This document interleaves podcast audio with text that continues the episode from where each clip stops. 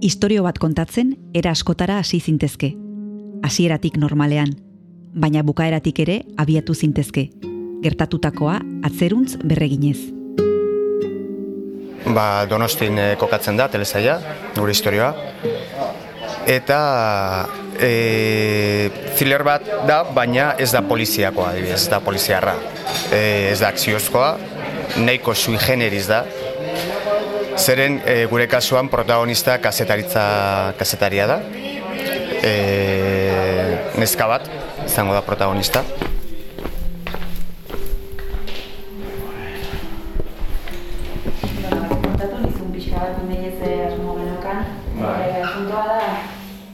edo tagian hobeto. Pertsonaiateatik hasi eta haiek nora zaramaten itxoin dezakezu. Ea zer esaten dizuten eta zer ez. Mota berzosak, ze, ze esan du? Zer dino? Nik horrek uste eta ja esaten dudan aia neurtzen azten. ba, ez dakit.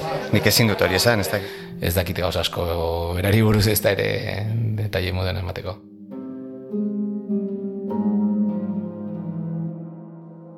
Kristina Tapia Huizi naiz eta hau tabakalera da.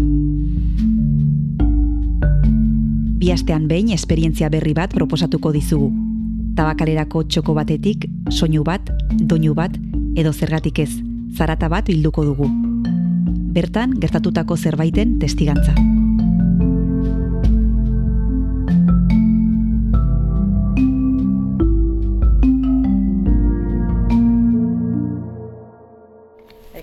Produktoraren puroa. Santi egarritakoa? Ah, Gu bati, justo. Ah, Gain mendak eta berzizuna telefono. alguna bona- Historionetako lehen pertsonaia, azken urtetako euskal zinemagintzan zeresan handia izan duen pertsona bada. Ba, Xavier Berzosa naiz, eta film luzeen eta telesaien ekoizlea naiz, mori hartin eta irusoinen. Loreak La Trintxera Infinita edo handia bezalako film arrakastatxuen atzean daude Xavier Berzosa eta bere kideak. Baina handiak izan aurretik txiki izan ziren. Zerbait nabarientek. Ezin alban, zea beste toki batean jarri. Zapatek altzak zeuzkatek. Ola 6 zentimetro handiagoa nauk. Zentimetro gutxi batzuk ez zaute handigo ingo. Ba, bidea oso luzea izan zen. E, ez, ez oso gogorra, batzutan pixka gogorra, baina, bueno, baina gehien bat luzea, eta nik uste bideak luzeak izaten direnean, e, gero e, iristen zeanean pues, elburu hortara, nola prozesatzen dezun eta nola, nola bizitzen dezun oso desberdina da, ba, dibidez, ez, em, e, emezortzi urteko jokalari bat lehengo divisioan jolasten duenean eta finaleko, kopa finalek bat irabazten duenean, ez da? Nik kaso horiek ikusti ditut eta horiek e, emozionalki gestionatzeko oso, oso zailak iruditzen zaizkit, baina gurea kontrakoa da. Ezagutu dezagun gaurko ataleko bigarren pertsonajea. Nik hogeita hamar urte ibili naiz ikusentzurezkoetan, baina beti proiektu txikietan. Naiz eta publizi, e, bueno, iragarkiak izan, edo laur metraiak, bideoklipak, edo tanadalakoak, edo, bueno, giroilaritzan baita beti izan dira, ba, e, telebistako programa txikiak, Zinegile eta gidoilaria da eta Amarako Art Tabernan zitatu gaitu. eta normalean e, bazarata behar dut. Horregatik etortzen ez kafete, kafete egitera, baina hau nahiko, nahiko tranquila da. E, ba hori ja hiriko azken kalea da, ez dago ia trafikorik, eta bueno, nahiko, nahiko tranquila da. Eta bai, tokiona. Baina beti behar dut, hori, jendearen e, eta soinuaren kaosa edo. Baina nor da kafetegietako kaosa behar duen sortzaile hau? Angel Andalondo donostin, donostin bizi den e, gidoilari eta zuzendari bada, e, eta bueno, kasu honetan e, proiektu oso interesgarri bate bidali ziguna. Baina, Bideo seriak egitasmora bidali zuen bere proiektua Angel Aldarondok. Tabakalerak Donostiako zinemaldiarekin lankidetzan garatzen duen programa bat da. Telesaien sortzaileei aholkularitza individuala eta mentoretzak eskaintzen dizkiena. Xavier Berzosadena besteak beste. Aber, ni proiektua buruan nuen, e, azarotik, ba, 2019ko azaroan, Madrilen nengoela hilabete lanean, e, bertan ideia ez nuen, eta eta, bueno, ba, bueltak hasi nintzen ideia horri, eta e, justo amaitzen nengoela, forma, oza, proiektuari forma ematen amaitzen nengoela, e, deialdi hau, e, bueno, deialdiaren berri izan nun, lagun batek bidali zidan e, berria eta albistea, eta esan hori oso aproposa da nire proiektuaren zat, perfektua zen, eta zuen hau netzako da, que aurkeztu nun eta, eta sorte handia izan.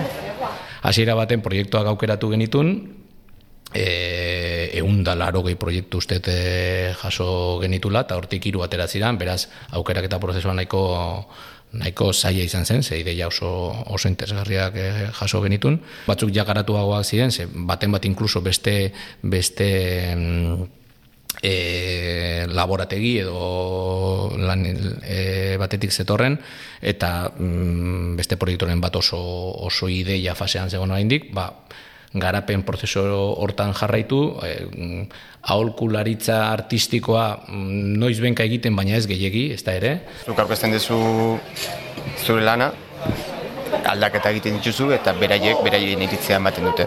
Arrauen zait, ze jaramon egin diet, eta hori, da nire kasuan. Angel Andalondoren zuhutza proiektutik hasiera baten gehien gustatu zitzaidana, izan zen e, oso argi ikusi nola barrutik ateratzen zitzaion ideia bat zela eta bere esperientzia eta bere bere barruko munduan zeskan e, bueno, mm, kontatzeko eta argitaratzeko ideia asko e, historiontan e, jorratzen zitula gero ni ere donostiarra izan da, ba, bueno, ba, kontatzen ditun gauz asko mm, telesel batean ikustea, ba, mm, gustatuko litzaidak ere, daurun ikusle moduan ere, proiektu oso interesgarria zan. E, donostiko e, jatetxerik ospe, ospetsuenean, hau da, e, munduko zazpigarren e, den jatetxerik e, onenean, e, pertsona bat hiltzen da, holako maikide bat, modu naturalean, ustez, modu naturalean. Eta, bueno, poliziak ez du likerketarik e, e, irekitzen ze, ez dago e, ze aztarna kriminologikorik. Baina gure kasetariak bauka susmoa horratzetik, badagola, horrazpitik, badagola ba, interesiun batzuk edo zerbait, e, bueno, diskutuan, ez? Eta hori buruz, e, e, zaikertzen ezten da, Ez da aldarondok eriotza ikerketa bati buruzko istorio bat idazten duen lehen aldia. ETBek ekoitzitako ondarraoak telesaian ere gidoilaria izan zen. Gorrotu ditut ofa hotz batekin hasten diren istorioak. Eta are gehiago gorrotu dut, kresala eta gasolinaren usain hau izango dela, oroituko dudan, azkeneko gauza. Ondarraoak zan, bask nuar, edo nuar, neo-nuar, e, generoaren kokatua dago, ez? Kasu honetan ez, kasu honetan guztiz alderantzizkoa izango da, da thrillerra, baina inbe, ikerketa badagolako.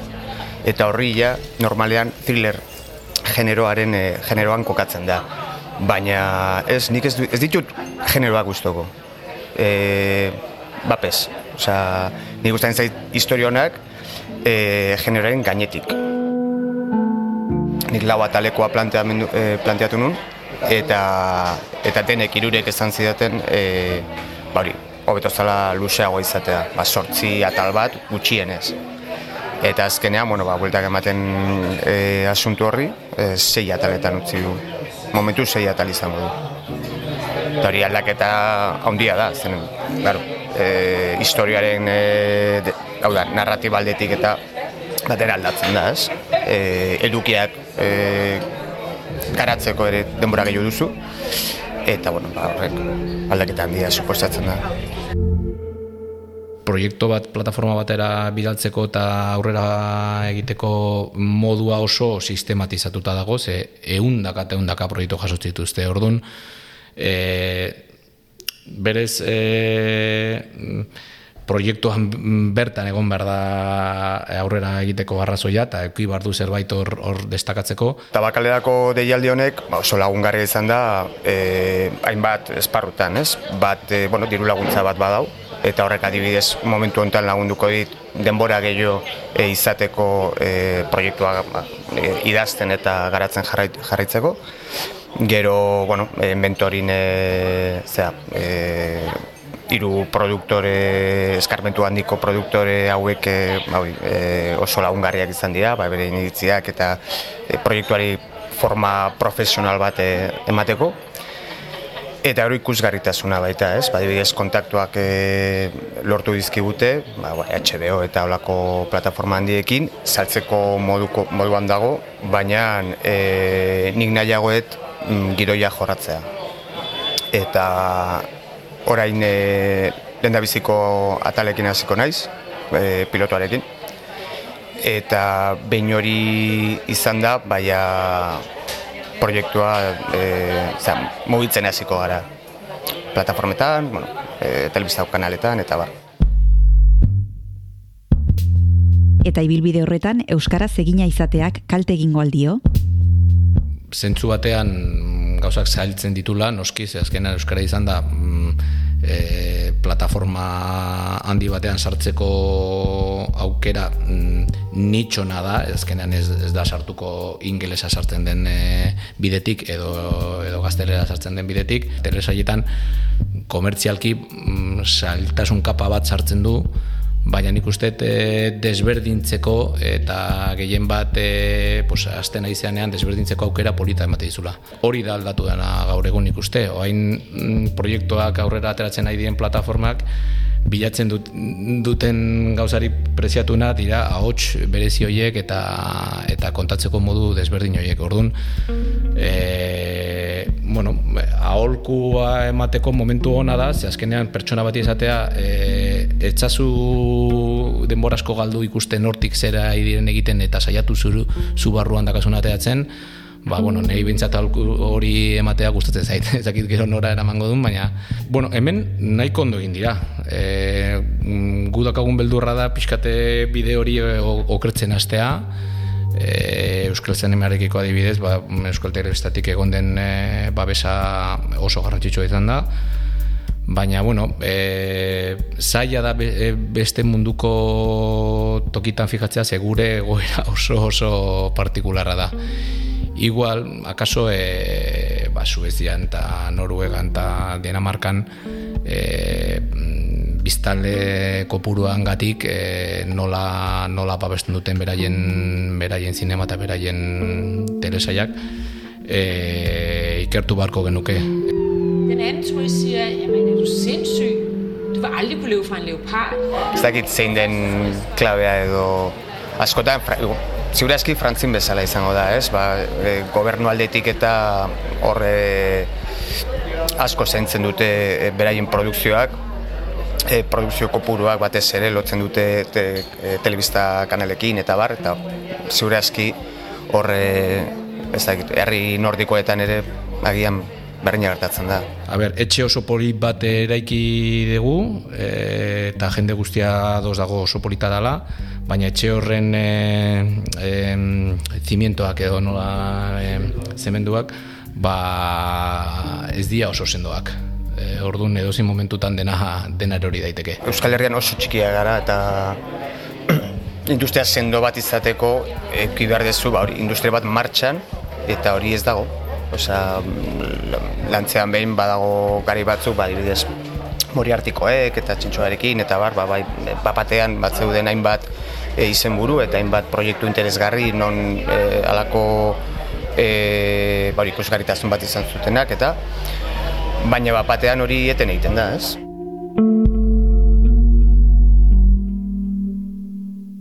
Nabarmena da Donostia eta inguruetan sortu dela alako ekosistema bat eta tabakalerako bideoseriak proiektua horren adibide da.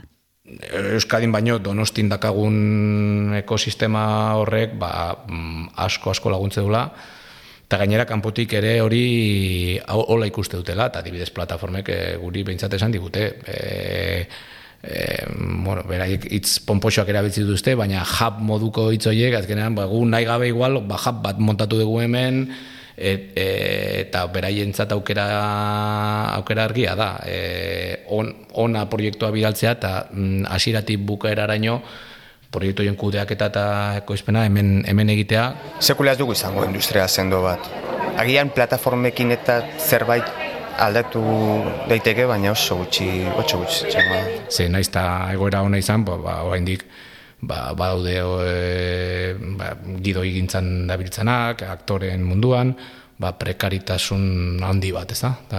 Eta, bueno, ezin dugu bi gauz horiek eh, nahaztu. Osea, momentu hau da, baina e, goera ez da hain dirudien hain, hain polita. Ba, multidisciplinar hori bai, da multiprekarioa edo esan, esan dezakegu. Bai, beti izan naiz, ni segitxo pertzen naiz berdina egiten. Eta normalean, ba, guztan zait, ba, bai argazkilaritzan, bai e, ba hori zuze, zuzendaritzan edo geolaritzan edo bueno, beti aritzen naiz postprodukzioan, edizioan oda beti izaten naiz hor e, ba, saltxan, ez? Ja, berroita urte ditut eta beldurra eukitzeko ja, ez da, berandu da.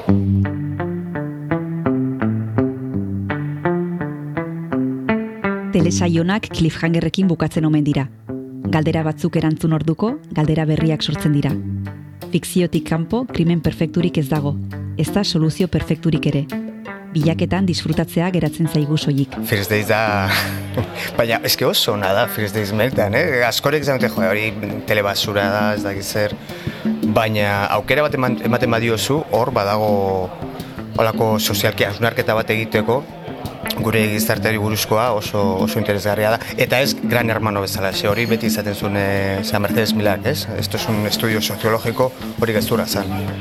Baina First Date bai, guztiz askatasun oso egiten dute eta beretan hor ideia asko hartzen eh, hartu dezakezu, eh, hortekan, bai. Entzun duzuna tabakalerako txoko batean grabatua izan da, baina txoko gehiago ere badaude. Urrengo ataletan entzungo ditugu gogoratu audio plataforma guztietan entzun dezakezula tabakalera. Arpidetu eta gustatu baldima zaizu lagun artean zabaldu. Urrengo atalera arte entzule.